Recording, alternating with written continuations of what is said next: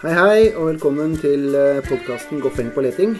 På denne podden skal vi ha lange, rolige samtaler hvor vi leiter etter svar og forklaringer på hvorfor den tida vi lever i, er såpass polarisert og kaotisk som den er. Podden er produsert i samarbeid med tenketanken Agenda, men det er jeg som står ansvarlig for innholdet. Og det innholdet vil vi gjerne ha kommentarer på på Facebook-siden, som også heter Goffeng på leting. Vi har også lyst til å være litt lytterdrevet. Så hvis dere har forslag eller ønsker om hvem vi skal snakke med, og hvordan og hvorfor, så tar vi veldig gjerne imot det også. Så eh, velkommen, som sagt, og vi snakkes.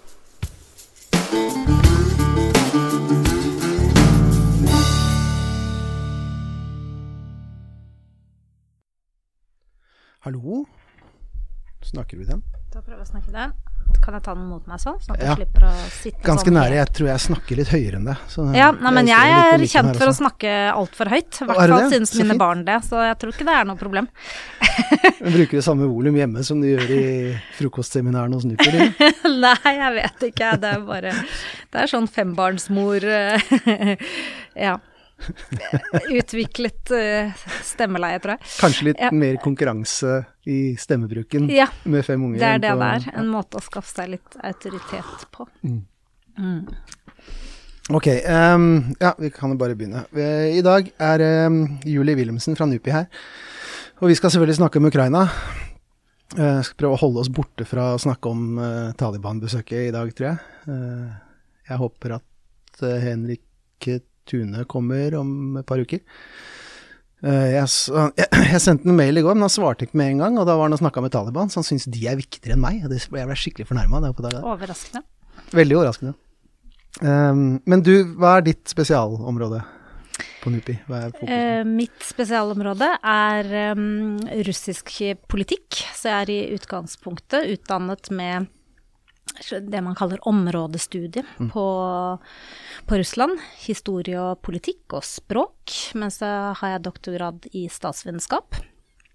Og da jeg begynte å jobbe som forsker, så var mitt tema krigen i Tsjetsjenia.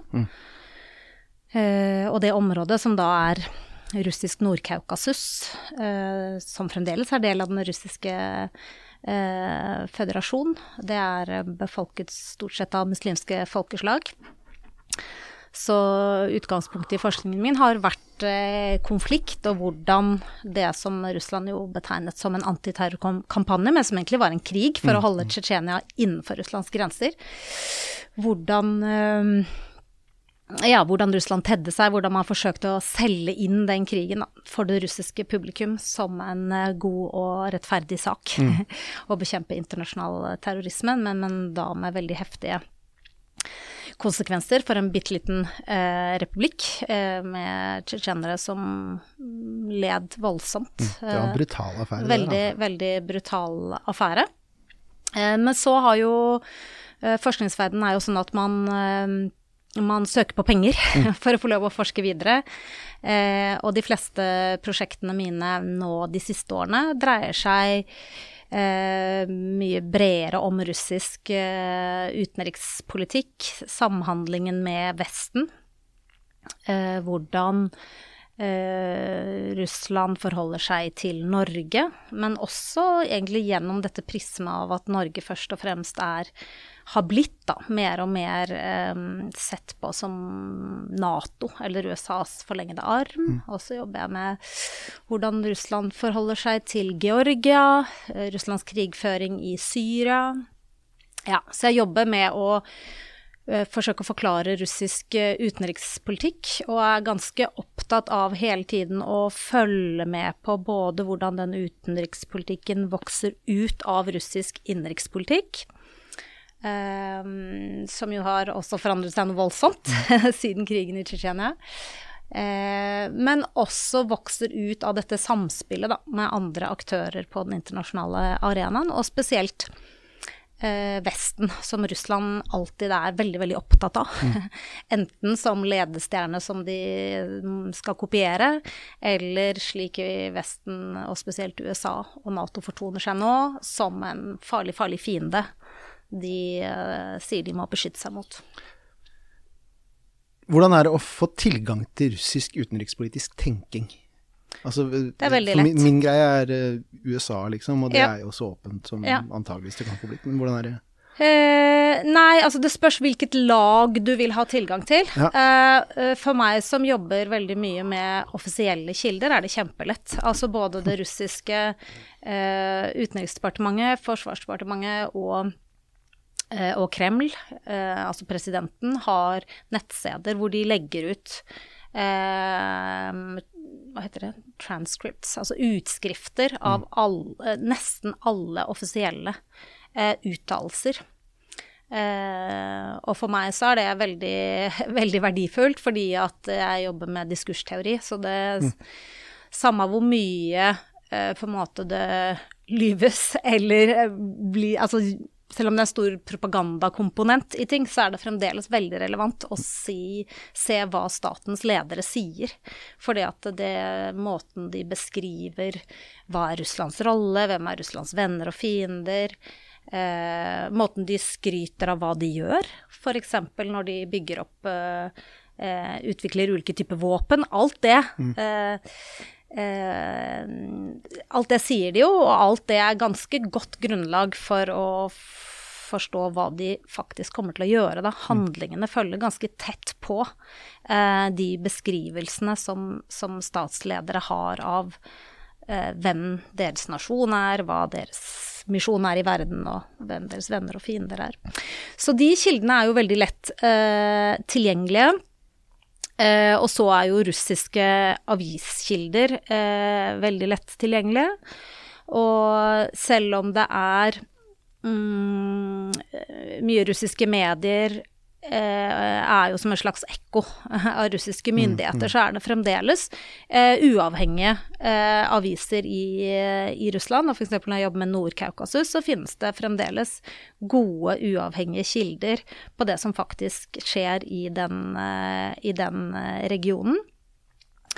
Ja, så det er veldig, i veldig stor grad et spørsmål om hva slags kilder man vil uh, vil bruke. Men det er klart, det som er eh, Som mange forskere bruker, altså type intervjuer, eh, det, det, er veldig vanskelig mm. i Russland. Og det har egentlig alltid vært det, for det er veldig stor avstand mellom den vanlige mann og de som sitter og styrer. Og hvis du studerer toppolitikken, så får du rett og slett ikke tilgang, altså høyt oppe i systemet. Og i tillegg så er jo jeg Jeg har ikke fått innreise til eh, Russland. Jeg har vært utestengt fra Russland, sånn at jeg har ikke kunnet Hvor lenge da?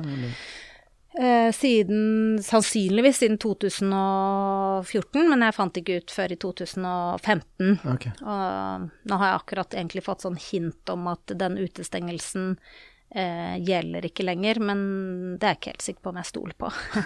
for det var en utestengelse basert på en påstand om at jeg var en fare for rikets sikkerhet. Akkurat. Som er en ganske sånn heftig merkelapp å få. Ja. Og eh, Putins Russland er jo, eh, hva skal jeg si, en stat hvor FSB og sikkerhetstjenesten har veldig, veldig mye makt og ofte på en måte overprøver andre, eh, alle andre etater i, i Russland. Mm. Så selv om kanskje noen i russisk UD f.eks.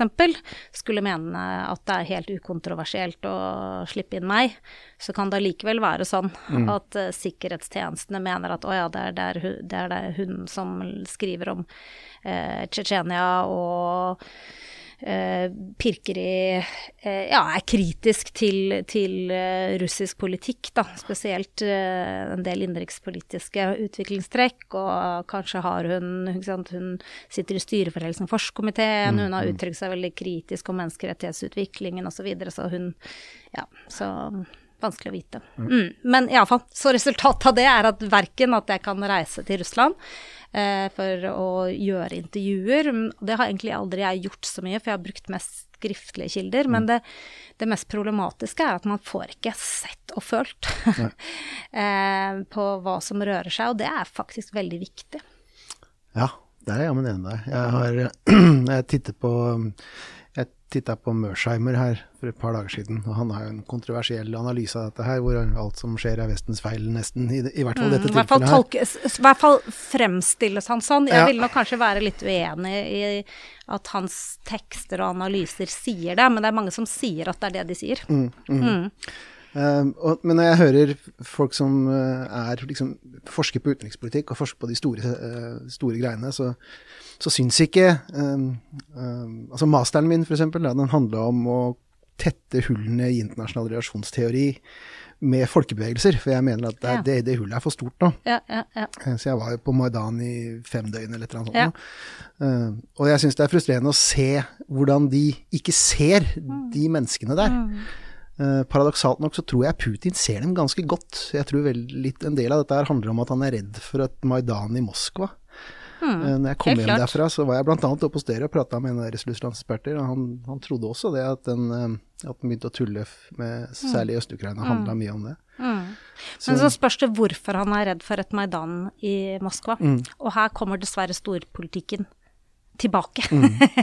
Fordi at uh, hvert fall slik jeg, ja, ikke sant? Det er slik jeg tolker det, da, i hvert fall. Absolutt. Putin er kjemperedd for et uh, Maidan i, uh, i, Russland. Og i alle de hundrevis av offisielle tekstene, russiske tekstene jeg leser, så er det et begrep som går igjen. Og det er fargerevolusjon. Ja. Og Maidan er jo en fargerevolusjon.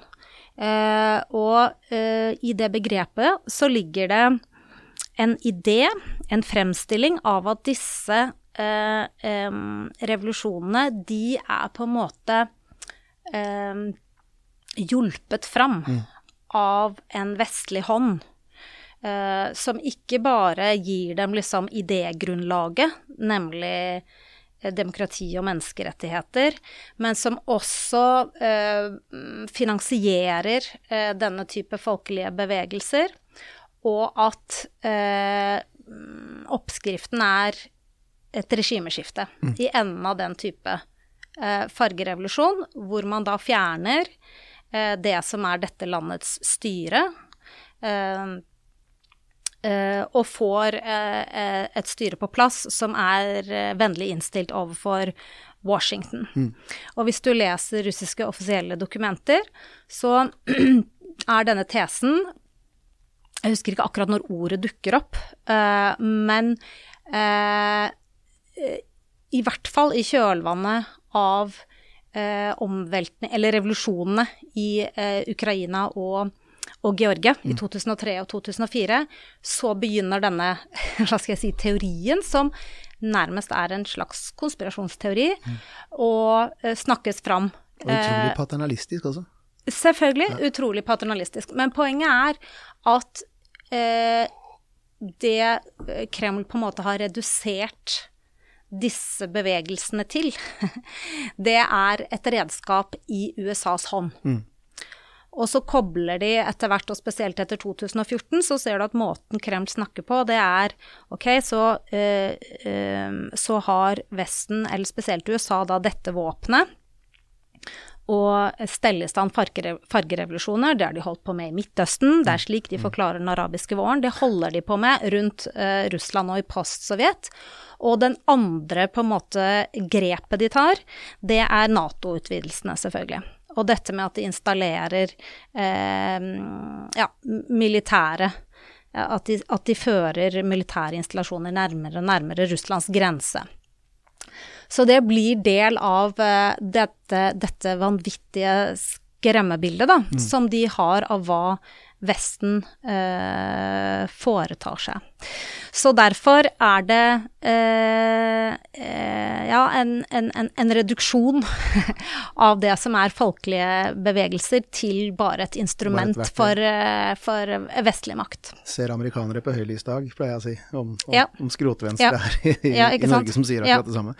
På en måte litt forståelig, da. De har jo vært rundt og gjort mye surr. Eh, amerikanerne pirka i veldig, veldig mange forskjellige steder. Ikke sant. Mm. Men så, så det er jo det som er så vanskelig mm. Eh, med, eh, med uh, denne påstanden, og hvorfor en sånn påstand fungerer. Fordi at du, du, du, det er noen elementer her av riktighet. Mm. eh, og det er et storpolitisk spill. Det er også slik at, eh, at eh, hvis du hører hvordan vestlige politikere snakker i dag, så er forståelseshorisonten slik at det er kjempeviktig å demme opp for Russland. Ja. Russiske krefter internt i våre eh, demokratiske land, og dette er en spesielt eh, noe man snakker om etter at uh, Russland blandet seg inn i valget i USA i 2016, så har man fått på plass denne, og igjen sier jeg da tese. Mm, jeg mm. setter ikke noe likhetstegn mellom det russlandere og det Vesten gjør, men det er allikevel en viss parallell der mm. i at man overdriver litt eh, påstanden om eh, hva Russland gjør, at det er Russland som eh, ødelegger våre demokratier. Hvis du tar USA som til, eksempel, da. Mm. Eh, dessverre så er jo situasjonen i USA eh, veldig problematisk helt for, altså for helt egen maskin. Egen, ja. Helt på egen hånd har de klart det. Og så er det helt, helt riktig og helt forutsigbart, på en måte, at Russland gjør sånne ting nå som å forsøke å poke, hva heter det på norsk, og liksom trykke da, på de svake punktene. Mm. Uh, det, er en, det, er en, helt uttalt uh, strategi, faktisk, fra Kremls side, at denne uh, påvirkningsstrømmen, da, det er det de snakker om. De snakker om en påvirkningsstrøm som gikk inn i Russland på, på 90-tallet, når Russland lå nede, fra vest til øst. og det har ikke eh, ifølge mm, Putin da, og Kreml, så har ikke det eh, brakt noe godt. Eh, snarere så har det skapt eh, kaos på 90-tallet mm. i, i, i, i, Russland. Eh, og nå eh, kommer Russland da, når de har denne ideen om at de er i ferd med å omringes og nedkjempes av Vesten, så kommer de for å slå tilbake, på en måte. Mm til å la, la, forsøke å lage en påvirkningsstrøm fra øst til vest. Og, og, og derfor så er på en måte de, disse eh, innblandingene i valget, mm. og også opprettelsen av russiske internasjonale TV-kanaler på engelsk mm, mm. for å formidle liksom, den russiske versjonen av hvordan verden ser ut, hvem som gjorde hva, hva som er riktig og galt. Det er også del av hele denne strategien da, for å, å snu påvirkningsstrømmen. Altså, at, de, at, de, prøver, eh, er jo, som du sier, helt åpenbart og helt åpent, for så mm. vidt. Men mm. effekten av det, den stiller jeg meg litt tvilende til. Altså. Det har vært gjort en del undersøkelser på det i etterkant også, som viser at den effekten er ganske liten. Ja. Matthew Goodwin som kaller det et comfort blanket, rett og slett. Eh, ja. Man, man, skylder på Putin for Trump, man skylder på Putin for brexit. Ja. Slipper, å, slipper, å, snu speilet og se på seg selv, på en måte. Ja. Eh, så akkurat det comfort blanket tror jeg Ja, det er et godt, eh, er et godt eh, ja. begrep, og jeg er enig. Men problemet med det, som er så veldig vanskelig når du skal formidle om det, det er at så fort du sier eh, ja. Så fort du sier at eh, 'pass på så dere ikke overdriver nå', mm. så fordi diskusjonen om Russland er så polarisert, så sier folk Alt er polarisert. Ja, ikke sant. Alt er polarisert. Så, sier, folk med en gang Å, du sier det samme som Du forsøker å unnskylde ja. eh, Putins Russland. Du sier det samme som Putin. Da må du være liksom Putin. Mm. Da er du Putin-apologet, og vi kan ikke høre på noe av det du sier. Så det er liksom Det er problemet som analytiker, da. Å ja. forsøke å forklare sakte, men sikkert at jo, de gjorde det. Men allikevel så må vi fortsette å forholde oss veldig strikt til det og, og bedømme hvor stort utslag hadde det, ja. og ikke falle for fristelsen til å overdrive. Nemlig, for da, da, da du får ikke retta opp egne feil på den måten. Og jeg ser eh, altså, spesielt demokratene borti USA, jeg er så blitt fortvila når de skylder på ting som kanskje ikke er noe å skylde på, for da får du faktisk ikke retta opp din egen greie. Og du, mm. det gjør det veldig mye vanskelig for deg å vinne igjen. Mm. Det, er det, som er, det er det som er poenget med å se realistisk på det der. For du klarer ikke å, å, vinne et valg hvis du bygger det på feil premisser. Mm. Og, og, hvis du faller for fristelsen med å bortforklare ting, så stiller du dårlig til neste valg igjen. Altså. Ja. Nei, og det er, det er på en måte det vanskelige dilemmaet nå i, hvis vi skal nærme oss litt den Ukraina-konflikten, da. Ja. Eh, fordi at eh, akkurat nå så har jo, øh, kanskje spesielt også i Nato, så har man en følelse av at det er livsviktig øh, å stå sammen Mm. og være enig. Um, og da blir det veldig vanskelig å si, som jeg forsøker å si veldig forsiktig, at um, det har fremdeles noe å si hvor, om Nato våger å revurdere noen av de skrittene de har hatt, og om de våger å mm, se hvordan det ser ut fra Russi, eh, Russlands eh, side. Eh, mens veldig fort, hvis, hvis du gjør det nå, så er du på en måte Du er illojal, du fornekter selvbestemmelsesprinsippet osv. Uh, men jeg tror det er kjempeviktig uh, å fortsette å vurdere eh, hva gjorde vi? Hva er det som, hva er det som fungerer?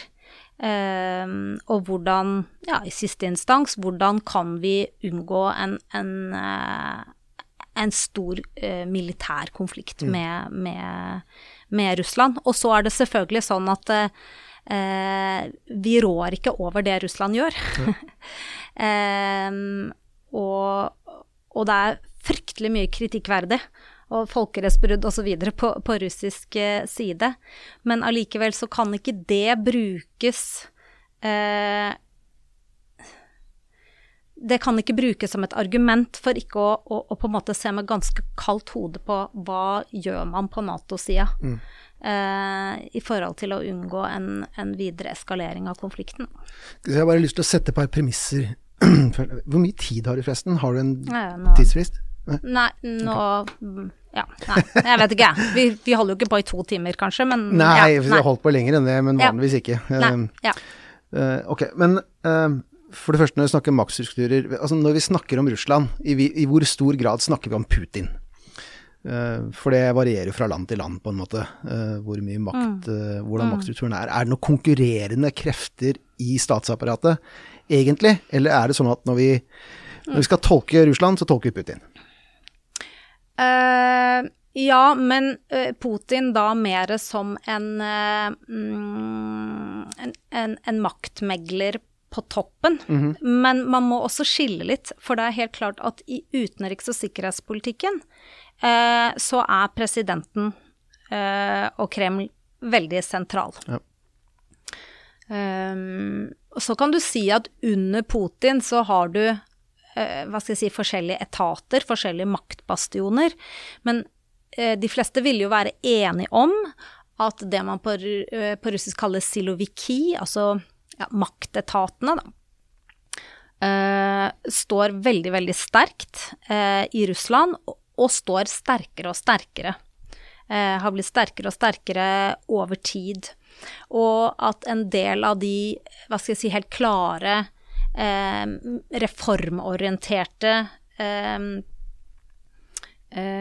lederne, som, som er veldig mye mer opptatt også av russisk økonomi, og hvordan den kan moderniseres og diversifiseres, for Russland er jo en veldig olje, altså energiavhengig eh, økonomi, de har jo blitt marginalisert eh, over de siste, de siste årene. Så eh, Putin er ikke enerådende, men hvis vi snakker om russisk utenriks- og sikkerhetspolitikk, så er det klart at eh, det, han, er, han er veldig Han og menneskene rundt ham er veldig sentrale, og i kretsen rundt han så er det rett og slett veldig, veldig mye hauker Ja. og, og, og Siloviki. Så kan du si eh, at det er mm, det at Putin både kommer fra FSB, altså selv kommer fra sikkerhetstjenestene, og helt klart styrket seg fra han ble statsminister i 1999 og president i 2000. Han på en måte har bygget på sikkerhetstjenestene for å få til den eh, maktvertikalen som han hadde for å bygge opp fra han, fra han eh, ble Russlands leder. Eh, eh, så det kan man jo av og til spørre seg. Det at eh, sikkerhetstjenestene har fått så stor makt internt eh, i Russland, gjør det av og til at de, eh, de handler og tror de har ryggdekning eh, for å gjøre ting som i neste instans kanskje egentlig rammer Mm. eh, Putin. Så der er det litt sånn det, Altså, eh, analyser av russisk politikk blir veldig fort litt sånn reduksjonistiske når de tror at Putin sitter der Altså, det er et kjempesvært land, et kjempestort apparat. For jeg, er faller, ikke, for jeg faller i den fella der ofte, kjenner jeg. ikke sant, han sitter ikke nødvendigvis eh, på toppen og eh, bestemmer eksempel eh, Skripal-forgiftningen. Men, men ikke dermed sagt at han ikke er ansvarlig. Selvfølgelig er han ansvarlig. Eh, eh, hvis det er på en måte deler av sikkerhetstjenesten som har handlet på egen hånd. Nå kan man fremdeles diskutere var det det som skjedde, eller var det eh, eh, var det en operasjon som var sanksjonert fra høyeste hold? Eh, jeg, jeg vet ikke. men, men begge eh, Begge scenarioer er tenkelige i Putins eh, Russland. For full kontroll er det ingen som har. Ok, fin, fin nyansering. En annen ting er hvordan vi ser på eh, For når jeg snakker om dette her, så vet jeg ikke om du er enig, men når jeg snakker om dette her, jeg er eh, Jeg ser på realismeteorien som den absolutt den beste forklaringsmodellen for alt dette her, så jeg har det blikket, på en måte. Um, og jeg ser på Russland som hensynsløst, uh, men smart, ikke irrasjonelt. Eh, det, er der det ligger, på en måte. Eh, men, men, men som en, en, ganske klassisk brikke i det stormaktsspillet som eh, realismeteori beskriver. Jeg har også ingen illusjoner om f.eks. USA og deres høyverdige moralske påstander. Jeg har vent meg til å tenke at det eneste, den eneste store forskjellen på USA og mange andre land, er at de påstår hele tiden at de gjør ting for menneskehetens beste. Mens hvis det er noe som bryter med deres egne interesser, så skjer ikke det. Um, så det er egentlig mer retorikk enn noe annet. Uh, så en fransk president kunne gjøre et eller annet og si ja, Paul of France, you know, det, er, det er i våre interesser, mens en amerikansk president må si for menneskehetens beste. Men jeg har ikke, jeg har ikke noen illusjoner om at de oppfører seg noe spesielt annerledes. Nei, bortsett fra at det betyr noe ja, uh, ja, jeg kan si to ting om det. Eh, jeg vil allikevel fastholde at det betyr noe uh, um, å fremheve de idealene. Mm. Fordi at For det første fordi jeg, jeg tror det er mange som tror på dem. Mm. og for det andre at, du, at en leder vil bli holdt ansvarlig Mm. blant noen i sin hjemmebase for de eh, eh, prinsippene man har eh, uttalt. Men ellers så kan jeg være helt enig med deg i, og det er ofte det problematiske også i diskusjonen om Nato og, og USA. Det, det er ikke sånn at noen per definisjon er en demokratisk eller menneskerettighetsorientert eh, aktør, og derfor er alt de gjør, Ja, altså bare, på en måte eh, forsvarlig. Fordi at han, handlinger kan være gode eller dårlige, uavhengig eh, av aktør, da. ja, for, bare for å eh, presisere litt mer, spesielt til folk der ute, er at jeg, jeg, jeg ser ikke på disse som to likeverdige moralske enheter, det er ikke det jeg mener, men spørsmålet er eh, when it comes to the crunch, altså når det virkelig, når, når du kommer til en in extremis situasjon, så, eh, så slår dette spillet inn. Eh, man, kan være, man kan støtte demokrati, gjøre alt riktig så lenge alt går greit, men når du kommer til en situasjon hvor det virkelig er fare på ferde, så forsvinner de hensynene. Det, er, det er det jeg mener, egentlig. Ja, det, det, det, det vil jeg være enig i. At uh, uh, de kan uh, gjøre det, at de kan ses på som, som ganske like, og at det på en måte Det er jo også kanskje spesielt for stormakter. eh, fordi de har så mye makt. Og så er det jo enorme forskjeller i ja. geografien her, Ja. selvfølgelig, som gjør at de lever jo to vidt forskjellige liv, de to statene der. Men jeg er ikke realist, bare for å ha sagt Er det ikke det, nei? Nei. Hva er du uh... Nei, jeg, altså i, min, i, i mitt arbeid, så jeg er konstruktivist. Mm. Jeg driver med diskursanalyse. Så, så jeg, har et helt a, jeg har et helt annet teoretisk perspektiv i de akademiske paperne jeg, jeg, jobber med. Men du kan, eh, du kan eh, godt komme til på en måte Du kan godt komme til samme resultat eh, ved å bruke det, det teoretiske perspektivet. Det er mer forklaringen i forkant som ser uh, ulik ut, da. Mm, mm. Men, uh, men, sånn i stort uh, så er jeg enig med deg, og jeg tror det, det, det viktige her er nettopp å fortsatt, fortsette Hvis vi da skal drive og bedømme hvem Uh, som har mest skyld, som folk ofte spør etter mm, nå. Julie, mm. kan du si hvem du syns har mest skyld? Ja, jeg syns det er et irrelevant spørsmål, egentlig, for en analytiker. Det er i hvert fall umulig å svare på. Ja, ikke sant. Det er helt umulig å svare på. Uh, spørs ja, uh, ja hvor, du, hvor, hvor, du ser det fra. men i det spørsmålet så syns jeg fremdeles at det beste er å forholde seg til handlinger mm. som er feil, og ikke aktører som per definisjon bare kan gjøre eh, folkerettsstridige eh, ting, holdt jeg på å si, eller ja. bare Nei, det var dumt å si folkerettsstridige, men skjønner du hva jeg mener? Jeg skjønner hva du mener. Jeg synes altså, Poenget må være å, å, å fortsette å bare liksom se, se hva som skjer, mm.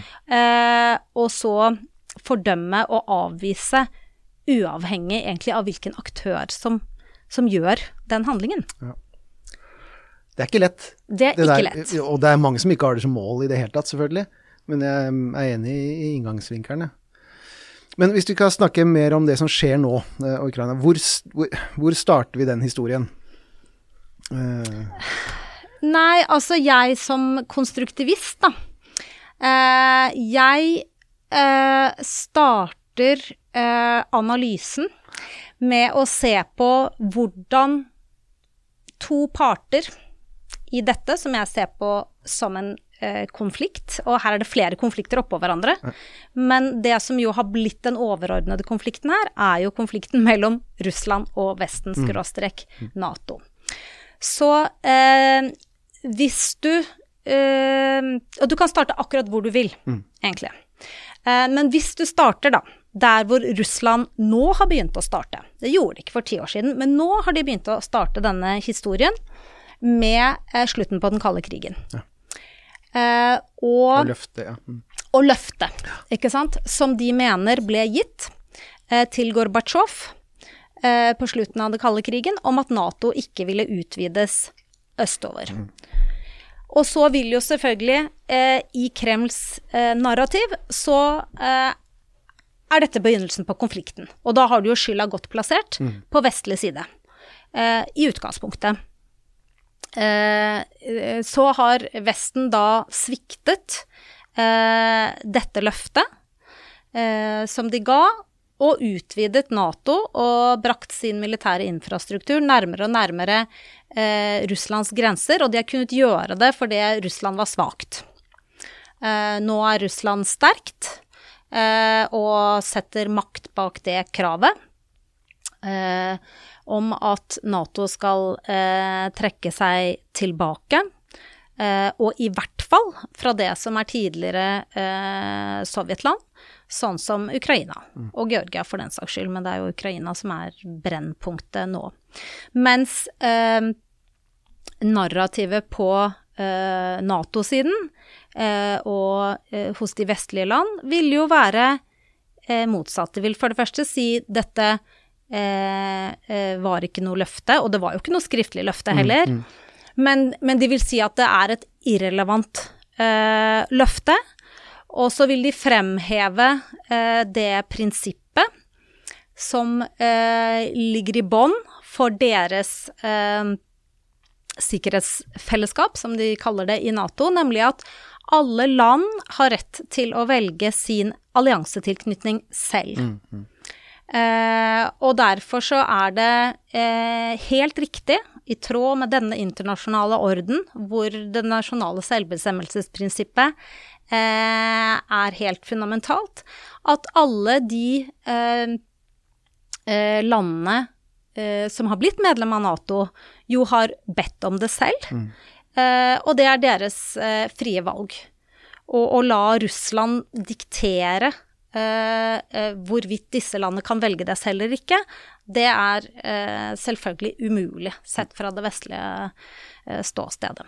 Men det interessante er jo at i Og dette denne er ikke en tankegang, så det er vanskelig å støtte akkurat. Det Nei, jo- det er jo ikke det. Nei. Bortsett fra, bortsett fra at eh, spørsmålet på, på, på en måte er satt Altså, det å redusere hva dette handler om, til eh, det nasjonale selvbestemmelsesprinsippet eh, eh, ikke eh, det, er, det er en enorm eh, det, altså det er virkelig å redusere det til noe eh, eh, og, og dekke over en, en masse andre viktige dimensjoner som ligger der, og, og som også står på spill her, ikke sant. Det er ikke bare det som står på spill her. Eh, og så er det selvfølgelig det da at hvis, hvis, du, hvis du reduserer det og sier det er bare dette det handler om, så sier du samtidig også at vi har ikke gjort noe eh, eh, noe feil. Vi kunne ikke gjort noe eh, annerledes. Ja, så, men det vi begynte med, var Hva var spørsmålet igjen? Eh, jo, eh, eh, når begynte det? Det interessante å gjøre er å gå Hvis du går opp, opp eh, gjennom de ulike episodene som har oppstått, da, hvor denne konflikten mellom Russland og Nato har dratt seg til, så vil du ved hver eneste korsvei få eh, to forskjellige fortellinger om hva det var som egentlig skjedde.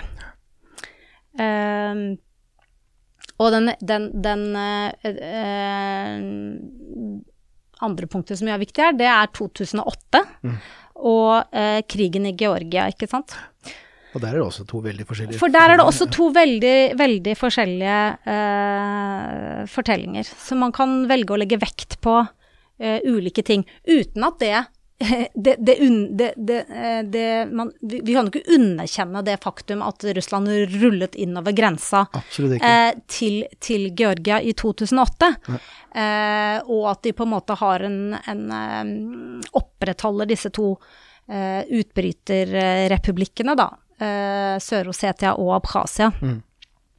Eh, men allikevel, Russland vil jo si at det som skjedde der, var at eh, president Saakashvili eh, prøvde å få kontroll på disse utbryterrepublikkene ved makt, og skjøt det første skuddet. Og det har vi jo det har jo blitt dokumentert Ja.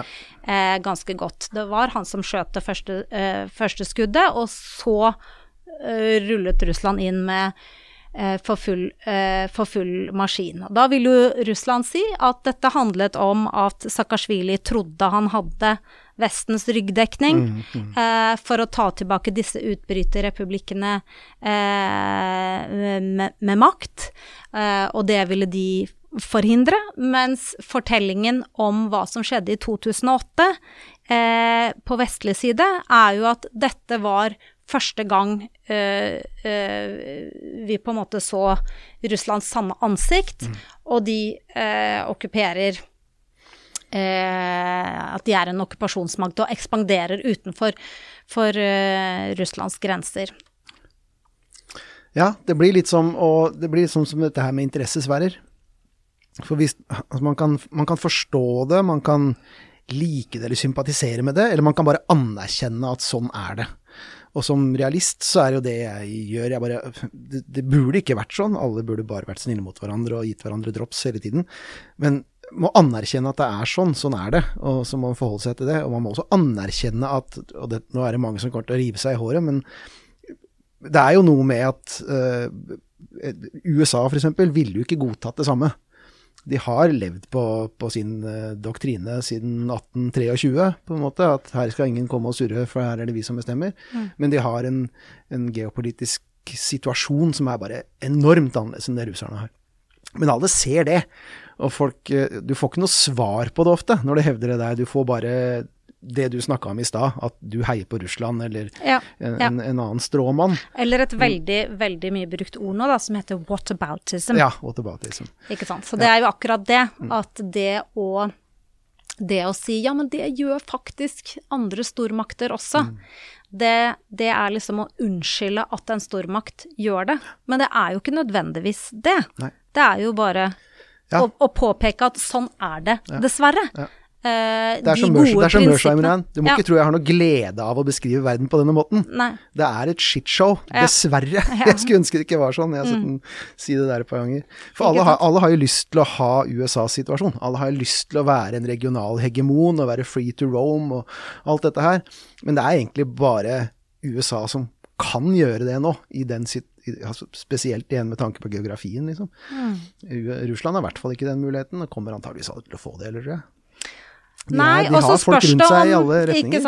Ja. Selv om Nato, hørte jeg her, jeg vet ikke om det stemmer, men noen sa at Nato, altså Russlands landgrenser, eh, det er bare 6% av det som grenser til Nato-land. Så si at, eh, si at de blir omringa er kanskje litt eh, å ta i litt. Ja. Men jeg vet Ja. ikke hvor mye det egentlig er. Ja, og så er det liksom det, det med omringet blir liksom et veldig fysisk begrep. Det er klart at med den teknologiske utviklingen vi har, så er jo dette spillet, og det gjør det jo enda mer skummelt, det dreier seg jo om eh, hva skal jeg si våpen som kan tas i bruk uten at du trenger å stå ved grensa, egentlig. Men, men noe av det eh, geografiske er jo viktig, og hvis vi skal vende tilbake til denne Ukraina-konflikten og kanskje snakke litt om hva man faktisk kunne bli enige om, så er jo et av de spørsmålene som er brennhett her, det er utplassering av eh, rakettsystemer, mellomdistanseraketter, så nært at de truer eh, eh, Russland, og det samme på, på russisk side, utplassering av mellomdistanseraketter slik at de truer, eh, truer Europa. Og det jo, det var jo et av de mange litt urealistiske kravene som eh, Russland kom med i sin pakke, eh, og som nok også er et av de kravene det er, eh, eller forslagene, eh, som det er mulig å komme til enighet om, da. Hvis ikke dere utplasserer, så utplasserer ikke vi. Men som alltid i sånne eh, spørsmål, så er det jo et spørsmål om tillit. Og det er jo det som er driveren her, på en måte. Eh, og grunnen til at alt har rakna, at alle liksom eh, nedrustningsavtalene fra den kalde krigens tid og sånn har blitt borte i løpet av de siste årene, det er jo for at man stoler ikke på at motparten holder seg til dem. Ja. Eh, men det tenker jeg, da, i forhold til eh, de siste ukenes eh, forhandlinger Selv om det er ille at man tvinges til forhandlingsbordet eh, fordi noen rasler så voldsomt med sablene som det Russland har gjort i Ukraina både i vår og nå i, nå i høst, så er det allikevel bra at det forhandlingsbordet er opprettet. For det har vært det skumle siden eh, krigen i Ukraina i 2014. Det er at det forhandlingsbordet har vært borte. Mm, mm. Eh, og at man har kommunisert med gjensidig militær eh, posisjonering. Signalisering. Og signalisering og voldsom eh, retorikk. Eh, og det har vært en eskalerende spiral eh, som har manifestert seg ikke bare nedi i S- Svartehavet og Østersjøen, men også i våre nordområdene. Og litt den følelsen av at det er en oppadgående spiral hvor på en måte våpnene snakker, snakker, mm. snakker med hverandre. Og det som heter diplomati og Uh, ja, diplomati er, er liksom helt utelukket, da, fordi man har ikke tillit til noe av det den andre sier, og at løftene eh, vil holdes på den andre siden. Mens nå er vi tross alt, eh, i løpet av de samtalene som har vært de siste ukene nå, eh, og egentlig før det også, med samtalen mellom Biden og Putin nå i, i, i sommer, så er vi tilbake, så er, er diplomatiet tilbake, og de tenker og opererer eh, på en helt annen måte enn det eh, de militære aktørene gjør. Gunboat diplomacy, det kan fort, da kan fort skje ting, da. Utilsikta hendelser og hva det måtte Ikke være. sant. Det er en guffen Ikke sant. altså. Det er en veldig gusten sak, og det tror jeg egentlig eh, egentlig det er ganske eh, Eller det er økende frykt for nå, Ja. selvfølgelig. At nå kan det skje ting som ingen er interessert i at skal skje, egentlig. Ja. Og mm, Men jeg avbrøt, eh, jeg avbrøt historielinja her, egentlig. Ja. Vi, vi var på Georgia, eh, og det Mhm. begynner å bli en stund siden. mm, Og så omtrent samtidig skjer oransjerevolusjonen. Ja. Uh, ja, nei, det, ja, nei, det, er lenge Det er før. Det er 2003 og 2004. Stemmer. Ja. Uh, så Georgia er, er um, det er, krig, det er 2008, ja, krigen i Georgia. Men mm. det som også er i 2008, som er en viktig del her, det er jo at Um, altså Nato-utvidelser har aldri vært uh, populært i, i, Russland. Men de første Nato-utvidelsene Eh, eh, også den som, som, som, skjedde i 2004, altså hvor de baltiske stater, tidligere Sovjetland, ble del av Nato, ja. Var egentlig eh, Ble ikke påtalt eh, veldig høyt fra, fra Moskvas mm. Eh, side. Men i 2008 så eh, ville jo den amerikanske administrasjonen gjerne gi Georgia og Ukraina såkalt MAP, Status Membership Action Plan. Mm. Um, det fikk de ikke, bl.a. fordi Tyskland og Frankrike mente at det ville være uklokt mm. i forhold til Russland. Men allikevel så, uh, så ble det uttalt at uh, Ukraina og Georgia kommer til uh, å bli medlem av Nato en eller annen gang. Og det husker jeg veldig godt. Da kom det enormt hissige uttalelser fra, fra, Kreml allerede da. Mm. Hvis så skjer, så på en måte innstilles våre atomraketter mot Kiev. Um, så i dette litt um, hva skal jeg si paranoide utsynet som Kreml etter hvert har bygget opp, så er denne hendelsen, altså 2008 ja. Begge disse hendelsene, de, de, de, er veldig, veldig viktige. Um, hendelser, da. Uh, og det jeg fremstiller, er jo uh, hvordan de snakker om det, rett og slett. Uh, og så er nok en viktig hendelse, og der er vi igjen tilbake til at Putin er veldig redd for et Maidan ja. i Moskvas gater. Ja. Det er de folkelige protestene Eh, som vi ser i eh, store russiske byer i forbindelse med Duma-valget og så presidentvalget i 2011 og 2012. Ja. Eh, for det er jo eh, hjemmegrodde protester mot et eh, korrupt eh, russisk regime, og kanskje aller mest mot den maktarrogansen som Putin og Medvedev, som da var president, viste eh, når de gikk ut og sa før valget at ah, i neste runde så bytter vi plass. Da blir jeg president igjen, og du blir statsminister. Ja, eh, så det var absolutt hjemmegrodde protester nei, nei, nei, i Russland. Det var George Soros som betalte alle som var ute på gata. Ikke sant. Ja, George Soros, og da i samarbeid, ifølge Putin, med Hillary Clinton. For det var jo det han kommenterte når han ble spurt hvem er som egentlig står bak her, og så kom bare det navnet. Jo, det er egentlig Hillary Clinton. Så, Helsingforskomiteen har vel kanskje fått noen sånne mot seg, de også, skal jeg tro? Absolutt. Ja. Eh, så, så, det er klart at den eh, eh det problemet, da, det var for en, en, eh, en så mektig og populært regime mm. som Putin-regimet har vært, og plutselig stå overfor sånne store demonstrasjoner i, i, i russiske storbyer, det uh, har nok bidratt til, til et, et, relativt sånt ja, fryktsomt blikk da, mm. på utviklingen i verden, og da retter de selvfølgelig det mot disse fargene, disse, den arabiske den arabiske våren. Ja. Og hvis du ser på hvordan de snakker om den arabiske våren, så er dette vært det samme.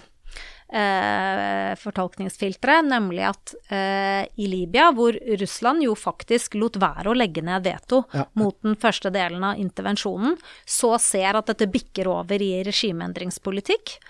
Eh, og da eh, da, da, sier Putin noe sånt som at dette er korsfarevirksomhet. Mm. Altså dette er, dette er, USA som fjerner eh, regimer med makt, som dominerer verden eh, alene ved å, å, sette på plass de, de, styrene de vil ha rundt omkring i verden, og det finner vi oss ikke i lenger. Mm. Og så kommer selvfølgelig krisen i, i Syria, hvor alt Russland gjør fra begynnelsen av, er jo å legge ned veto i Sikkerhetsrådet fordi de ser for seg ok, og nå skjer det her. Nå skal Assad fjernes med makt, og der har jo eh, Russland mm, er mange ting som ligger til rette for Russland når de griper inn i 2015 for å statuere et eksempel. Her skal ikke eh, her skal det ikke foregå noe mer regimeendringer fra Vestens hånd. Eh, de har både en historisk kontakt med Assad-regimet, de har også en Hva skal jeg si Det russiske militæret har gjennomgått en formidabel eh, eh, modernisering som gjør at de har våpen de kan bruke, de har en militærbase der osv. Så, videre, så da intervenerer de. Og du kan lese den intervensjonen på mange måter. Den handlet også om å ramme IS og internasjonal terrorisme, som har vært et stort problem for, eh, for Russland. Men det dreide seg definitivt om å bruke det man hadde, for å si denne type eh, regimeendringspolitikk uh, skal vi ikke Eh, ikke ha mer av. Og dette er jo selvfølgelig også Dette er jo bare et år etter Maidan, som selvfølgelig ja, virkelig ble fremstilt som en sånn eh, Som om det ikke hadde noe eh, Altså folka på Maidan ikke hadde ja. noe egen aget, ikke noe eget prosjekt, da. At det var rett og slett eh, instruert uh, vestfra. Det har alltid irritert meg, det der. altså Folkebevegelser er det jeg har studert mest, på en måte. Uh, og det har alltid irritert meg, den derre trangen til å, å, å, beskrive folk som dumme puppets og verktøy. Mm. Men spesielt etter det der. Eh, mm. For jeg har vært der, jeg vet ikke hvor mange mennesker jeg prata med. Engelsken er ikke veldig bra, men jeg fant jo noen mennesker som fløy rundt med meg og mm. og gjorde ting mm. enklere. Mange mennesker jeg prata med der nede. Og så i etterkant få, bes få beskrevet hva de holdt på med på denne måten. Uh, og også en, noen mennesker her hjemme i Norge gjør jo akkurat det samme. ikke sant? Det, det, er igjen her også folk som ser amerikanere på høylysdag og mener at alt i verden har med amerikanere å gjøre. For det er bare altså, det, det, er rart, fordi de liker ikke amerikanere, men de tillegger dem en sånn gudeaktig, allmektig ja, egenskap ja, ja. til at de virkelig klarer å kontrollere hele verden, liksom. Mm, mm. Sånn funker det ikke, altså. Nei. Så du sitter og prater med en eller annen fyr som har hogd ned halve skogen hjemme på gården, ikke sant, fordi han kommer inn med tømmer til Maidan annenhver dag, for han bor langt unna. Mm. Kjører inn tømmer til oljefatbåla som varmer opp folk om natta, og sånn holder han på.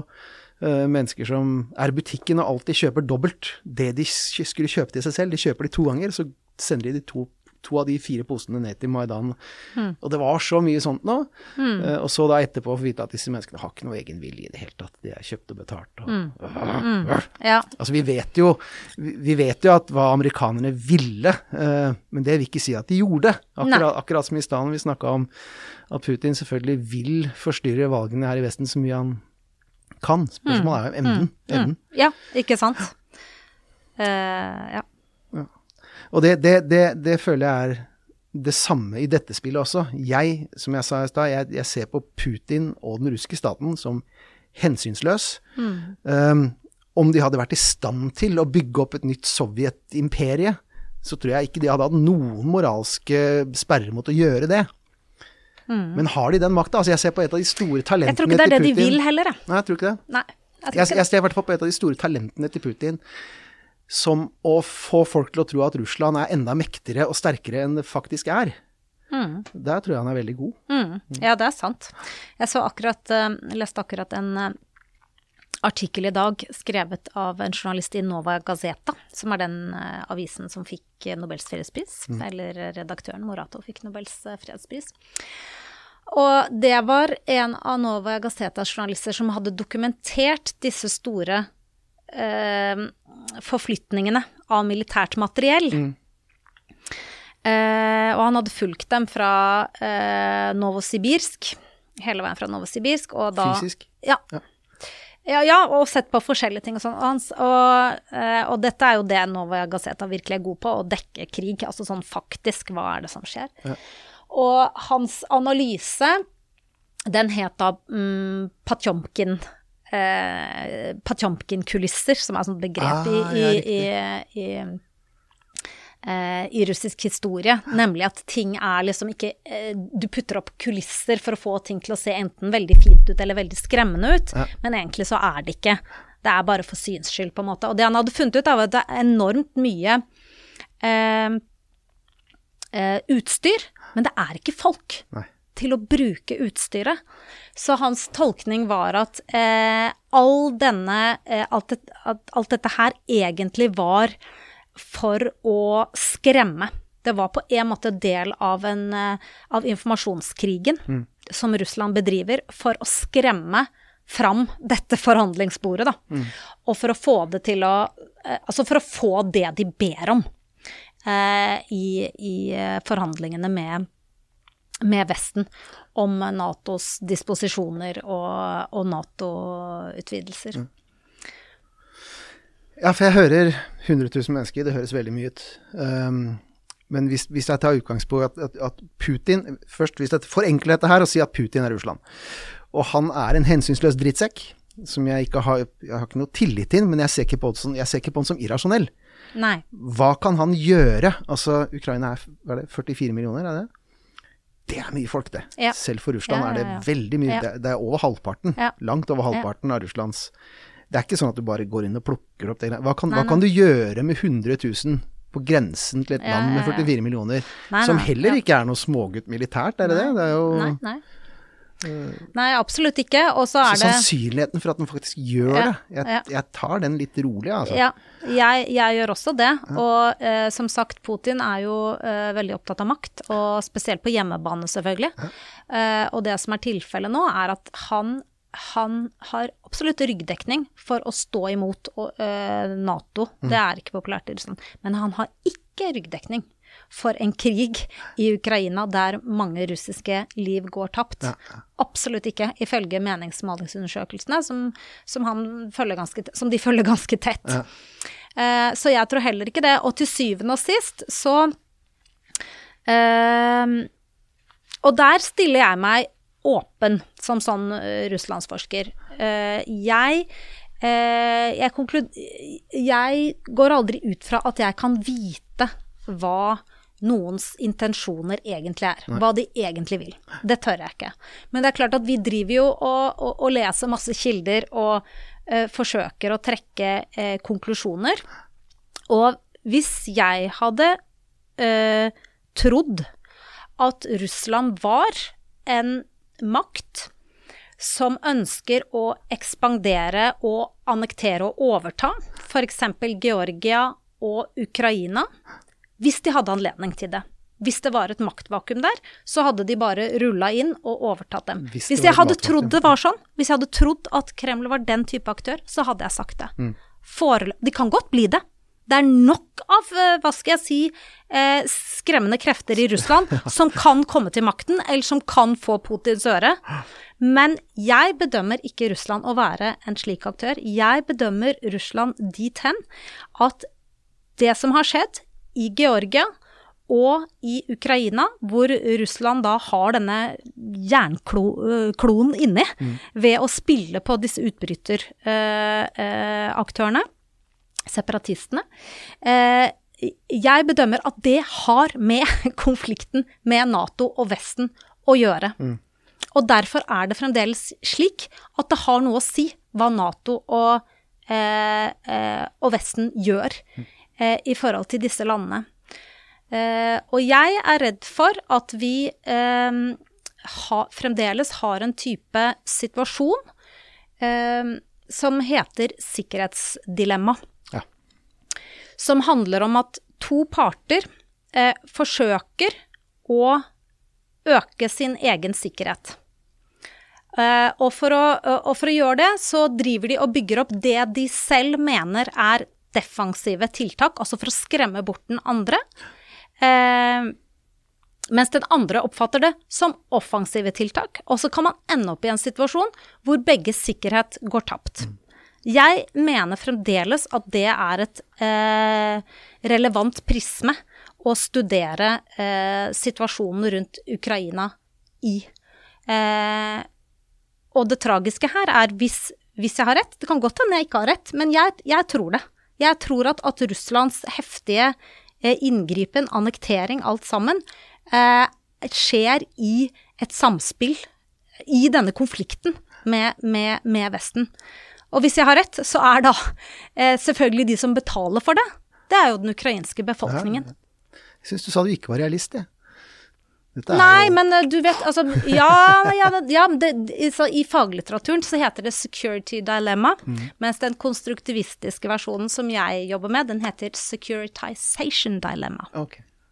Så det er på en måte samme type dynamikk, men en annen forklaring på hvorfor man havner der, da. Ja. Og, og, min forklaring handler mye mer om å se på hvordan man fremstiller den andre som en trussel. Ja. The Hobbesian trap er mitt favorittbegrep for det. Ja. Thomas Hobbes-fella. Ikke sant. Så det er ikke For det er ikke så lett å måle slik realistene mener man kan. Uh, det er ikke så lett å måle en trussel ved å telle bomber og kanoner. Nei. Mens trussel er i mitt hode, da, en, en, en, uh, en sosialt konstruert størrelse. Mm. Så det er mer Eh, og det gjør det ikke noe mindre skremmende, det gjør det enda mer skremmende, faktisk, for en som jobber med russisk politikk. Fordi da ser du at slik som eh, Kreml nå kan ha eh, selv bygget opp sin eh, eh, trusselvurdering av eh, Nato og Vesten, så innebærer den at absolutt alt Nato og Vesten foretar seg, er farlig. Ja. Og, og, og Vesten er på en måte en bedragerstørrelse. Så til og med et utspill om forhandling mm. eh, kan da lett tolkes som eh, et lureri.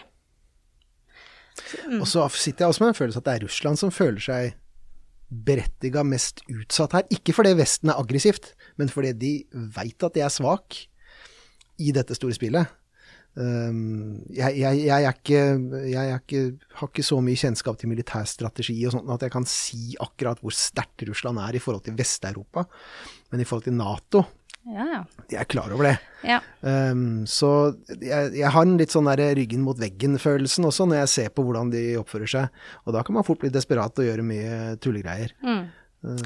Ja, og det er jo derfor, altså av de, mange av de bøkene som er skrevet om russisk militær tenkning og sånn, så er det ganske interessant å se hvordan dette med påvirkning, da, eh, har seilet opp som et av Russlands viktigste våpen. Mm.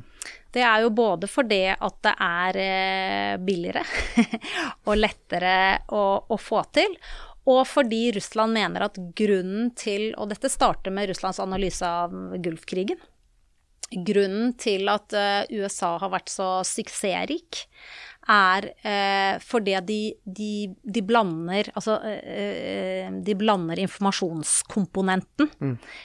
med hard militær makt. Og egentlig så er informasjonskomponenten den viktigste komponenten. Mm. Så det er det en del som har sagt, da, at det er, det er eh, det, at de driver med jamming eller eh, påvirkningsoperasjoner og sånn. Eh, at det er litt sånn billig måte, da, ja. å, å, føre denne krigen mot uh, Vesten på.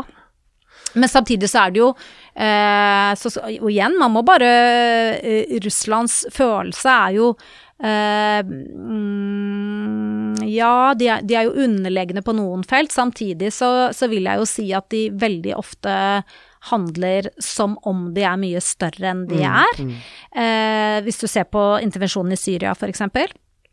Uh, og i tillegg så er det jo helt riktig at siden spesielt siden 2008. Altså det å modernisere det russiske forsvaret har jo vært på agendaen i mange, mange år uten at det har skjedd noe. Men etter krigen i Georgia, som på en måte avslørte at det var ganske dårlig stelt, eh, og man i tillegg da fikk virkelig øynene eller mente å se, at nå kryper Russ eh, Vesten og USA inn i vår bakgård, så har man jo fått fart på moderniseringen av det mm. russiske forsvaret. Sånn at det ser jo helt, helt annerledes ut i dag. Eh, enn det gjorde for ti år siden. Og Russland utvikler jo også en masse nye våpen, som reelt sett er en trussel for en del av eh, USAs eh, kapabiliteter. Mm. Uh, og det siste området, som jo Og da er vi plutselig liksom Og det er jo det skumle her, at vi plutselig er tilbake i den kalde krigen. Det er jo at hele kjernevåpenområdet eh, eh, har kommet i spill igjen. Og, og det, har, det, er jo det eneste området hvor Russland faktisk fremdeles er like sterkt mm. som, som USA. Uh, og det bruker de selvfølgelig for, for alt det er verdt. Mm. Um, mm. For den ryggen mot veggen-saken er den er veldig guffen. Eh, det beste andre en annen, et, et, annet eksempel er Israel eh, snakker jo om dette her fra omtrent sin fra starten av landet. altså Doktrine bygd på deterrence capacity. Mm. Vi er så små her. Vi er så smale. Du kan kjøre tvers over oss på noen få mm. timer. Vi er nødt til å projisere en viss type galskap. Ofte populært når man snakker om hvordan Kissinger og Johnson drev i, i, Vietnam også, sånn madman, mm. madman-oppførsel. Um, selv om det ikke er madman i dette tilfellet, men det er vi skal slå så hardt til, være så aggressive, at ingen engang prøver, for vi vet hvor sårbare vi er, liksom. Mm. Um, selv om Israel er jo fantastisk mye sterkere enn alt som ligger rundt dem. Mm. Uh, men Russland har ikke den uh, situasjonen der. Men, men det er, viser at uh, det, å føle, det, å føle, om det er sant eller ikke, men det å føle at man virkelig har ryggen mot veggen, det er en, det er en situasjon man ikke bør sette noen i. Nei. Nei. Sånn, også igjen, rent realistisk, liksom. Selv om man skulle ønske at man kunne gjøre hva man ville, så er det bare ikke helt sånn ting funker. Mm. Ja, nei, det er eh, Det er um, viktig å ha med det elementet. At uh, samme hva, så er man nødt til, ikke for å unnskylde, men for å skjønne hvem man har med å gjøre, så er man nødt til å prøve å forstå hvordan det ser ut på den andre siden, og hva slags Og da er vi litt tilbake til det vi snakket om i stad. Hva, hva, slags aktør er Russland egentlig? Ja. Og det er jo det som har skjedd litt i løpet av de siste månedene, at veldig mange har konkludert med at Russland nær Altså, jeg hørte en kjent journalist si det her om dagen, at, at Russland er en imperialistisk ekspanderende stat. Eh, og hvis man har konkludert med det, ja. eh, så er jo eh, Da er det klart. Altså, da er du jo nærmest eh, Da har du konkludert med at, at Russland er en eh, da har du eh, konkludert med at Russland er en slags irrasjonell Hitler-aktør. Ja. Og hvis du ikke eh, demmer opp for Russland da, rundt hele grensa, så kommer, det, kommer Russland til å flyte mm. utover. Mm. Eh, så det er, det er den eh, som russlandsforsker, da, så er det den, selv om det er upopulært, det er den jeg ikke gir meg på. Mm. Vi må fortsette å uh, ganske kaldt uh, tolke hva slags aktør Russland er, hva slags spill det er de spiller. Eh, og jeg tror ikke, foreløpig, som sagt, at det er dette spillet her. Mm. At, uh, at, de må på en måte Vi må stå tett rundt grensa deres, for ellers så kommer de til å flyte utover i alle retninger. jeg tror fremdeles at det er et annet spill, nemlig at jo tettere vi kryper inn på grensa deres, jo mer hissig kommer de til å eh, eh, slå tilbake. Eh, og disse landene rundt, eh, de blir eh, en slagmark uten noe problem for Russland, fordi eh, de, de, ser sine sikkerhetsinteresser truet. Mm. Mm. Jeg, jeg, tror jo at jeg, altså, tror og tror, jeg sitter i hvert fall med en følelse av at et maktmenneske som Putin og klikken rundt den har lyst på så mye makt som mulig. Hvis det hadde vært enkelt for dem å plukke land rundt omkring, mm. eh, hensynsløst dagdriveri, så tror jeg de hadde gjort det. Eller jeg har i hvert fall ikke noe problem med å se for meg at de hadde gjort det. Mm. Men de er, jeg tror ikke de er irrasjonelle nok til å se bort fra sin egen situasjon. De har ikke kapasitet til det. Nei, også, det, det koster for ja, mye, rett og slett. Da. Ja, mm. og så er det interessant å se på hva mm, Altså, Russland vil jo gjerne være en mm, Putins Russland vil gjerne være For det første så vil de gjerne ha sikkerhet rundt uh, den russiske føderasjons grenser. Mm. Det har vi sett ganske tydelig. Det begynte med krigen i Tsjetsjenia i 1999. Mm. Disse grensene skal være uh, uh, trygget. og så er det interessant å se hvordan internasjonal politikk på en måte er et sosialt spill der eh, Russland, også Putins Russland, ønsker å være seg, og det snakker de jo masse om. Det, liksom, vi, det kan ikke diktere hvordan vi skal ha det hos oss i Russland. Vi er oss, og vi har denne arven og Ikke sant. Vi er jo Det er Russland, Putin nå eh, Slik han snakker om russisk identitet, så er det jo egentlig en konservativ tradisjonsorientert eh, sivilisasjon eh, de representerer. Samtidig, når du leser utenrikspolitiske tekster, så ser du hvordan de søker å være det de kaller en moderne makt. Mm. Og veldig mye av det Russland gjør, eh, er en slags eh, herming, faktisk, av eh, eh, det de sier at Vesten har gjort. Og kanskje også i et slags forsøk på å bli akseptert, da.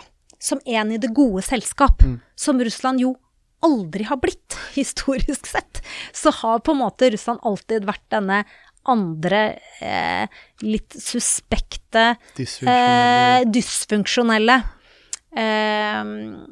sivilisasjonen eh, som ikke har orden internt, sant, som aldri har lært seg demokrati og disse tingene her.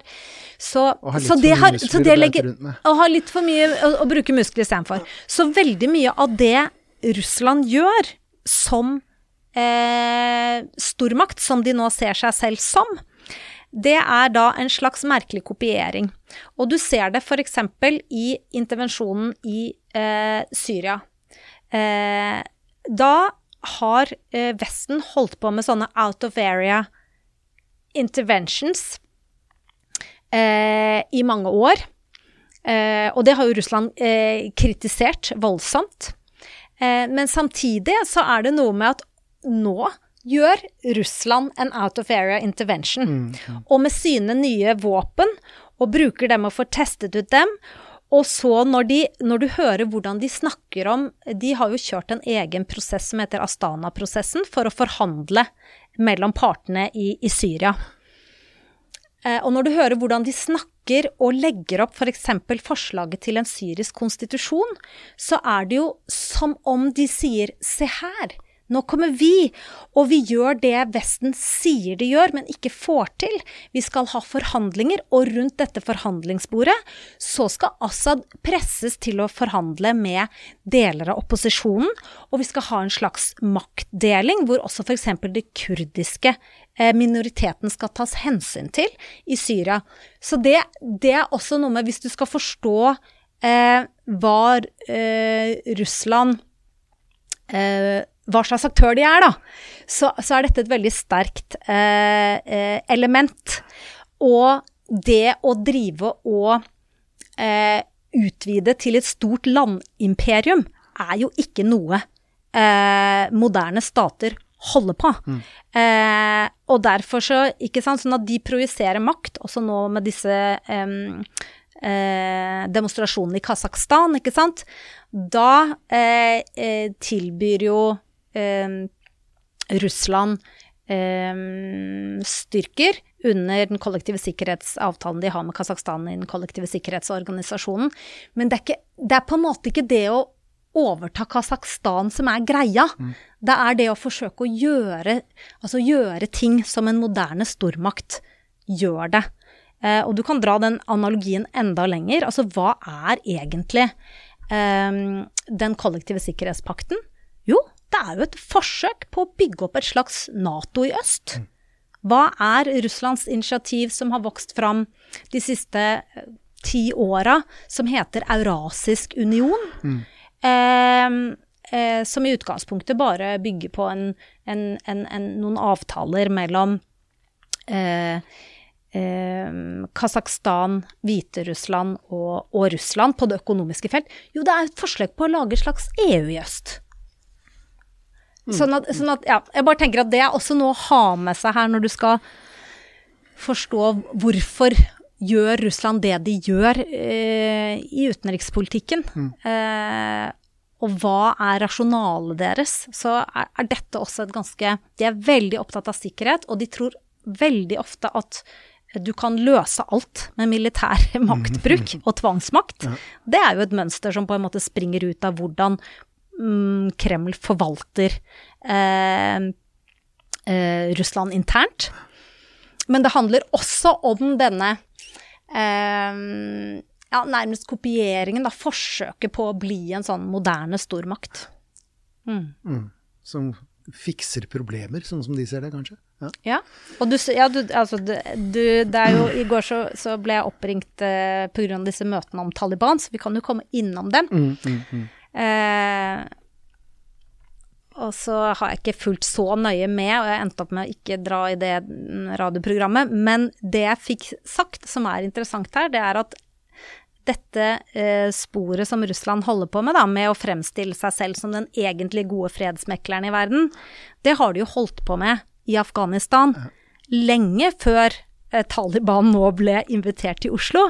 De har jo hatt en kontakt med eh, Taliban enda før Kabul falt, mm. og hatt dem til samtaler i Moskva osv. For å liksom være Og, de var jo eh, Russland trakk jo ikke sin ambassadør eh, eh, fra Kabul da Kabul falt. Han ble værende. Mm. Eh, og, og, det er fordi de har, har, forsøkt å fremstille seg som da en, den alternative liksom, fredsmegleren, da. Sammen med landene rundt eh, flere av landene rundt eh, Afghanistan og Kina. Mm. Eh, så, det, så, det, er definitivt et, et, et eget spor. Eh, som også da gjør at akkurat den gamle greia med å drive og okkupere store territorier egentlig ikke er noe de eh, sikter på, tror jeg, da. Ja. Kina, du, du, bruker hele makten Altså, du, du, holder på makten på andre måter. Mm, mm. Proxy, ja. Ja, ja. Kina Uff, den ligger og lurker bak der, den også, men uh, ja, det er grenser for hva man kan prate om i løpet av en episode. Ja, det er grenser. Jeg er enig. ja, men ikke noe, ikke, ikke noe, i dette storspillet gjør noe som helst sens, egentlig, hvis man ikke tar med de der på et eller annet vis. Hvor havner de hen? Hvor havner Russland hen? Mm. Når, når, når, Kina virkelig blir det det kan bli? Mm. Og det viser seg at uh, oi, nå står vi overfor en makt her som vi aldri har stått overfor. Mm. Hvor er Russland hen da? For mm. da blir Russland uh, ganske smått i, ja. forhold, altså.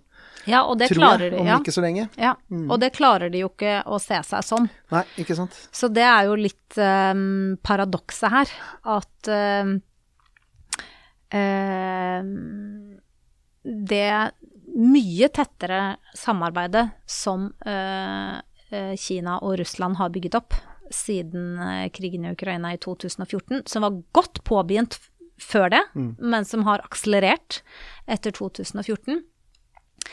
Det er jo, så vidt jeg kan se, først og fremst betinget av at de er enig i eh, motstanden mot Vesten. Ja, ja. Din fiendes fiende, videre. Ja, ja, det tror jeg. Og så hvis det ikke hadde vært for, for den felles kampen, da, mm. så ville det eh, samarbeidet eh, vært eh, mye mindre. Mm. Og det ser du jo faktisk. Det er jo en del eh, Det argumentet har jo også vært oppe nå i forbindelse med eh, hvordan man løser floken rundt eh, Ukraina.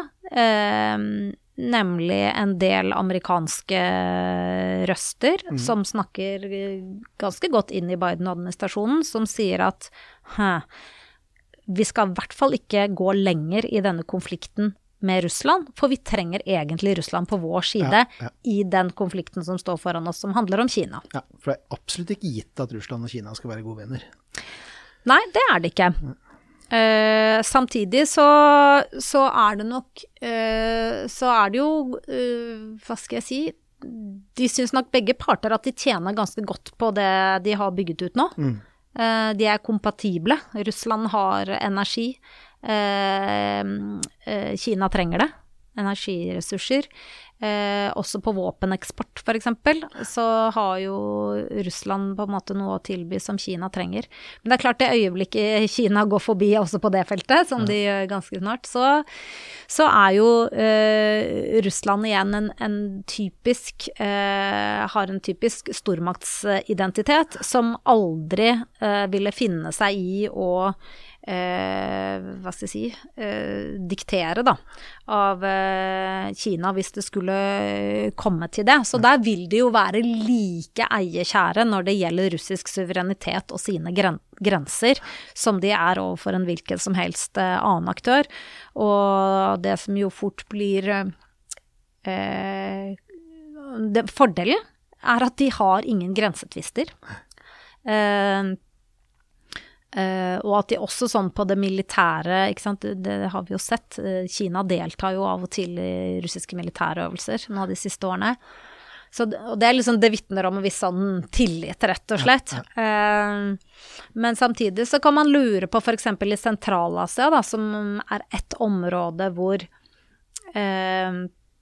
Altså de fem sentralasiatiske statene som tidligere var del av Sovjetunionen, som er det området hvor eh, em, kinesisk og russisk innflytelse liksom Krysser litt. ja. krysser veldig. Eh, hva som kan komme der. Også til nå så har de hatt en slags arbeidsfordeling. Eh, Kina får på en måte lov å være den dominerende økonomiske makten. Eh, mens Russland er mer den sikkerhetspolitiske garantisten, da. Også gjennom uh, CS, ja, altså den kollektive sikkerhetspakten. Uh, og, og til dels også på energifeltet, fordi at rørledningssystemet i Sentral-Asia fremdeles er eh, Altså er rester av Sovjet. Rørledningssystemet. Og så har de på en måte det felles at det er ingen av dem som stormakter som pusher demokrati og menneskerettigheter. Sånn at de som har sittet på toppen i disse statene, slipper å utsettes eh, for det presset, da, for å si det litt kynisk, som de blir utsatt for hvis, eh, hvis Vesten Kan være pragmatiske. Ja, de kan, være, de kan være pragmatiske. Men så, så foreløpig så har det jo fungert greit, men man kan lure på hva skjer? Hvis, hvis det plutselig oppstår en, en, en reell interessekonflikt, da. Ja. Da snakker vi en Eh, potensielt rumlete nabo som ja. eh, Vesten, Europa, ikke kan måle seg med. Ja. ja. Så, mm, så det er mange spørsmål der, og det vil jo f.eks. russiske forskere De er veldig sånn nå på De produserer masse om, om partnerskapet mellom Russland og, og Kina. Eh, men samtidig, når de presenterer på forskningskonferanser og sånn, så så kommer det alltid opp et lite sånn, men dette har eh, på en måte Det er noen store spørsmålstegn her også. At det er, det er potensielt stor skepsis da, eh, til, eh, til Kina. Også spesielt når det gjelder de helt østlige delene av, eh, av Russland, som er veldig, veldig folketomme, og hvor kineserne allerede har et, et nærvær. Men liksom, ville Russland f.eks. akseptere mm, en stor eh, mengde kinesere at de bosetter seg f.eks. eksempel i de østlige delene. Eh, det tror jeg de ser på med, med frykt. Og de, og de eh, Det andre som er eh, påtagelig også, er at eh, eh, USA f.eks. har uttrykt frykt for at eh, eh, liksom Russland og Kina i Arktis, og hevder at eh, Russland liksom hjelper kineserne inn i Arktis. Men eh, Russland er veldig, veldig eiekjære og egne på å ha kontrollen over den eh, både Nordøstpassasjen, som jo åpner seg nå, og hele den grensa og det farvannet rundt deres suverene territorium, og ler jo av eh, Kinas eh, merkelapp på seg selv om at de er en nærarktisstat. Ja. eh, for Russland er det de som er den største arktiske staten, og det sier de hele tiden. Og det er liksom I deres bilde så er det, det er deres eh, skattekammer. Ikke vanskelig å forstå hvorfor de ser på det sånn, da. Bare ta en titt på en globus, det så høres jo de påstandene fra Kina litt snodige ut. Ja, men det er, det er Kinas ambisjoner, Ja. å være en global makt Ja. på den måten der. Og dette er Belt and Road-initiativet deres. Eh, hvis du ser på hvordan det er tegna inn på glo globusen, så går det jo en sånn vei rett gjennom Arktis, som de skal utvikle. Vi har nesten ikke snakka om Ukraina. Nei. Eh, de føles Når vi sitter her og prater, og når jeg hører andre prater om dette, så føles de ikke til å si det, men nesten litt sånn ubetydelige ut. Hva ukrainerne selv gjør, virker ikke å påvirke noe særlig akkurat nå. Mm. De er litt borte. Og det har, Nei, de har vært ja. borte her òg, når vi Ja, sitter og prater. ja, nei, og det er jo det tragiske her. Ja. At Ukraina på en måte blir landet imellom, da. Og det landet som ofrer. Mm. Både med menneskeliv og, og, og, økonomi. Og, og nå styresett. Ja. Eh, og det forsvinner jo helt. Altså jeg hørte på en ukrainsk forsker som snakket om den politiske utviklingen i Ukraina. Eh, og han Han beskrev jo liksom Zelenskyjs uh, periode nå, da. Han har vel sittet som president i to år. Uh, som en litt sånn eh, desperat kamp for uh, for overlevelse. Ja. Og, og, deler av, av, eh, problematikken er at han presses på en måte fra forskjellige kanter. Ja. Eh, og eh, et av de grepene han, han, har tatt, som også er del av forklaringen på hvorfor Russland pusher sånn som de gjør eh, nå, det er jo å ta ned eh, Medvedtsjuk, som er en uh, ukrainsk oligark, og som har eh, stått i spissen for det man kan kalle, eller det mest russlandsvennlige partiet mm. i Ukraina, og som plutselig viste seg å bli veldig, veldig populært. Uh, og så har de kjørt en prosess mot han, da. Jeg vet ikke om, vet ikke om han sitter i fengsel eller hva han gjør nå. Uh, og nå uh, er det jo også oppe en prosess mot Porosjenko. Mm. sånn at det, det er ikke et veldig Hva skal jeg si stabilt um, godt styre i, i, Kiev. Og jeg så også nå Freedom House, som lager sånne ratinger over mm, verdens mm. demokratier, og Ukraina scorer 39 poeng av 100 på den, ikke sant. Sånn at det er um, Men jeg, jeg, tror de er trygge nå for mer innenrikspolitikk Altså, jeg, jeg, tror de er trygge nå fra et nytt Maidan. For nå er en, en fiende der ute.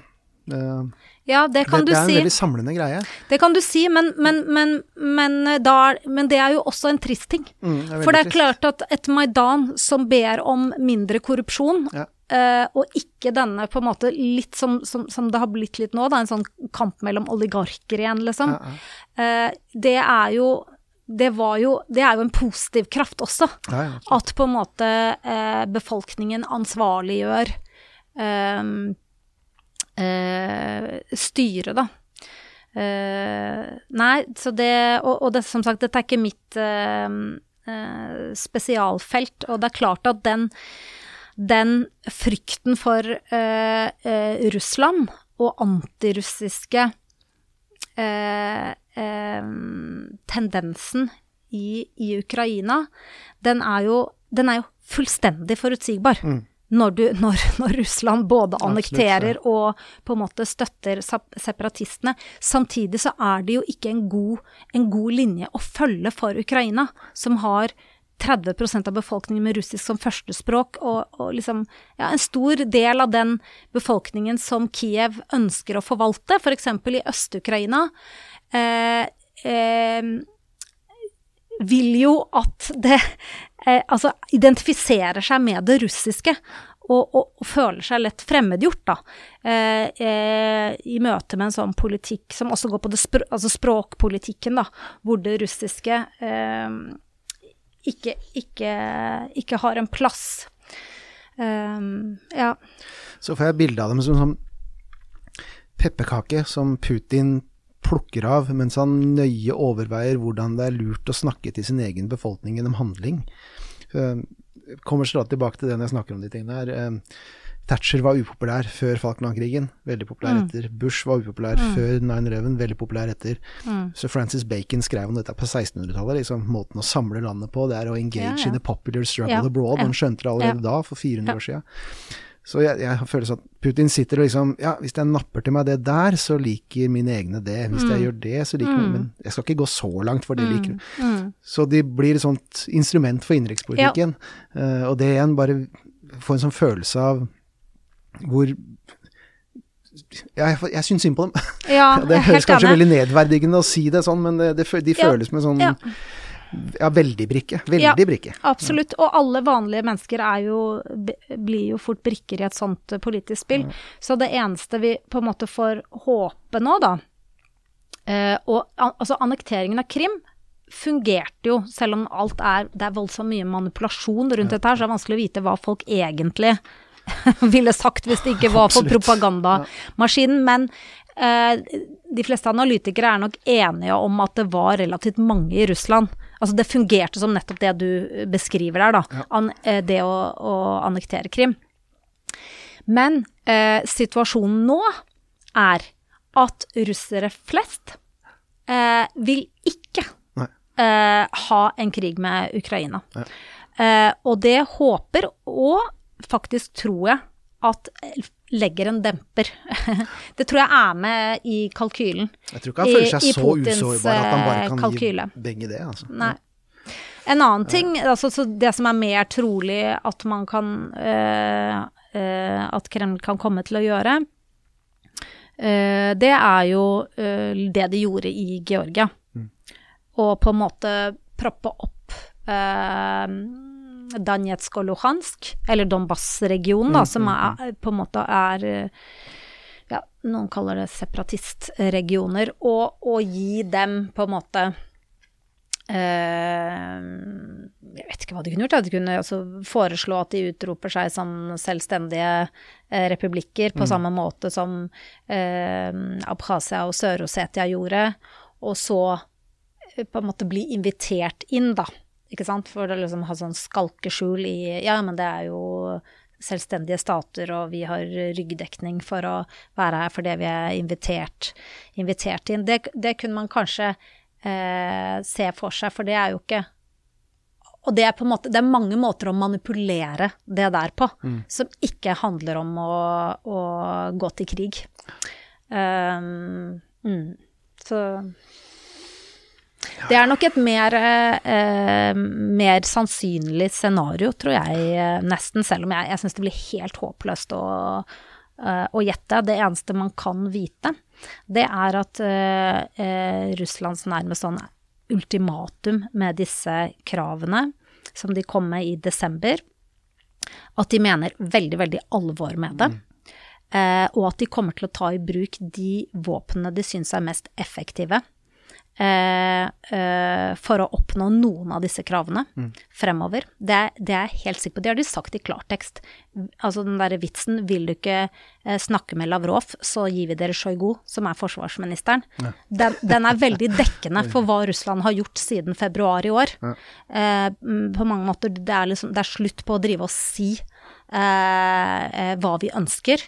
Eh, nå på en måte i, diplomatiske kanaler. Nå eh, gjør vi det eh, eh, med det militære.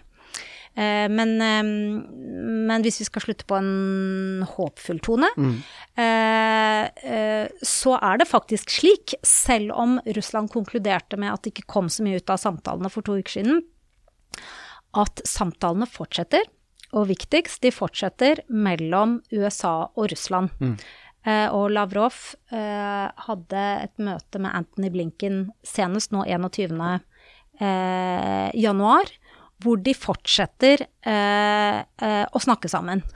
Og de samtalene mellom USA og Russland har jo først og fremst vært på kjernevåpenfeltet, som på en måte er litt på siden her.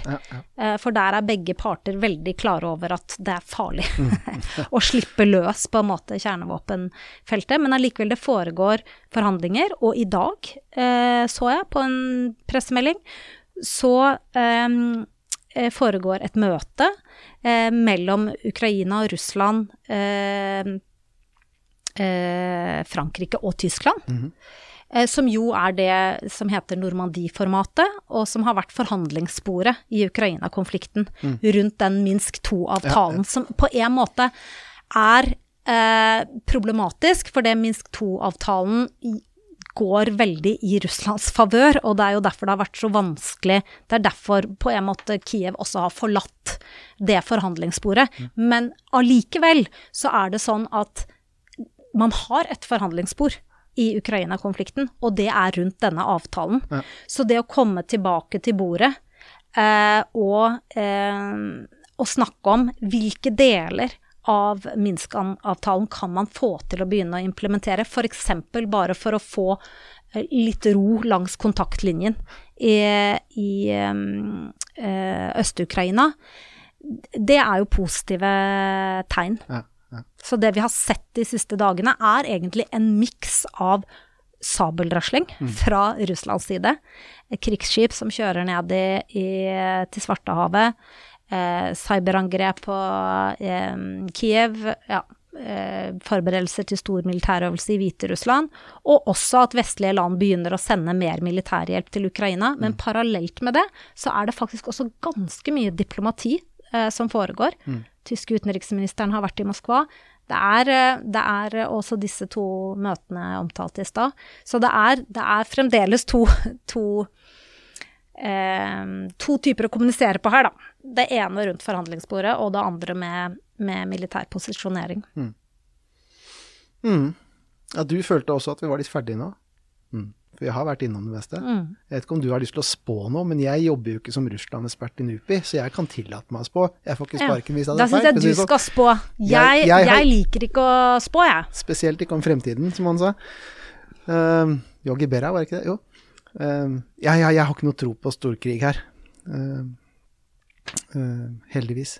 Jeg ligger ikke våken om natta for det. Altså, jeg, jeg, jeg er redd for uh, jeg, Ikke redd for, men litt smånervøs for disse utilsiktede tingene som kan skje hvis man, som vi snakka om i stad, lar det fysiske tale for mye, liksom. Men jeg, jeg, jeg Nei, jeg ligger ikke våken. Nei. Jeg ligger nok kanskje våken. Mm. Uh, fordi jeg er uh, helt Altså eh, eh, Russland, slik jeg tolker det, har ikke lyst til å ta en risiko som ikke er verdt det. Mm. Samtidig så er det Russland ikke risikoavers, og veldig tilbøyelig til å bruke makt eh, når de mener at det må de. Eh, så jeg ligger litt våken. eh, I hvert fall hvis jeg ikke tenker på de forhandlingene som, som fortsatt pågår. Fordi jeg eh, Akkurat som jeg så for meg at det kom til å skje noe veldig dramatisk når eh, eh, Janukovitsj måtte dra fra eh, etter Maidan-opprøret. Eh, og så kunne jeg ikke forutsi annekteringen av Krim men, og intervensjonen i Øst-Ukraina, men var helt sikker på at nå gjør, gjør de et eller annet eh, veldig dramatisk som ikke er bra. Så, og litt den følelsen har jeg nok nå. Hvis det ikke kommer Altså hvis, hvis de konkluderer med at de imøtegås ikke på noe av det, av alle de kravene de stilte, så var jo det viktigste ikke bare NATO, ikke Nato-medlemskap for Ukraina, men ikke mer Nato i Ukraina. Som handler om denne bevæpningen og potensielt liksom ja, eh, våpen som kan nå Russland i, i Ukraina. Så hvis vi liksom ser en videre opptrapping eh, som Russland tolker som mer av det, så er jeg redd for eh, hva de kan gjøre. Mm. Interesting times. Ja, men da har vi skravla i over halvannen time, så da sier vi takk. Tusen takk for at du kom. Jeg Takk måtte be deg komme. litt, for du har mye å gjøre. Men jeg er veldig glad for at du satte av litt tid. Så, Veldig bra å få snakke gjennom ting litt sånn rolig og mulighet for å si på Ikke den ene sant. og den andre siden. Det er jo det vi trenger. Podkastformatet, altså. Veldig bra. Jepp, jepp. Ha det igjen.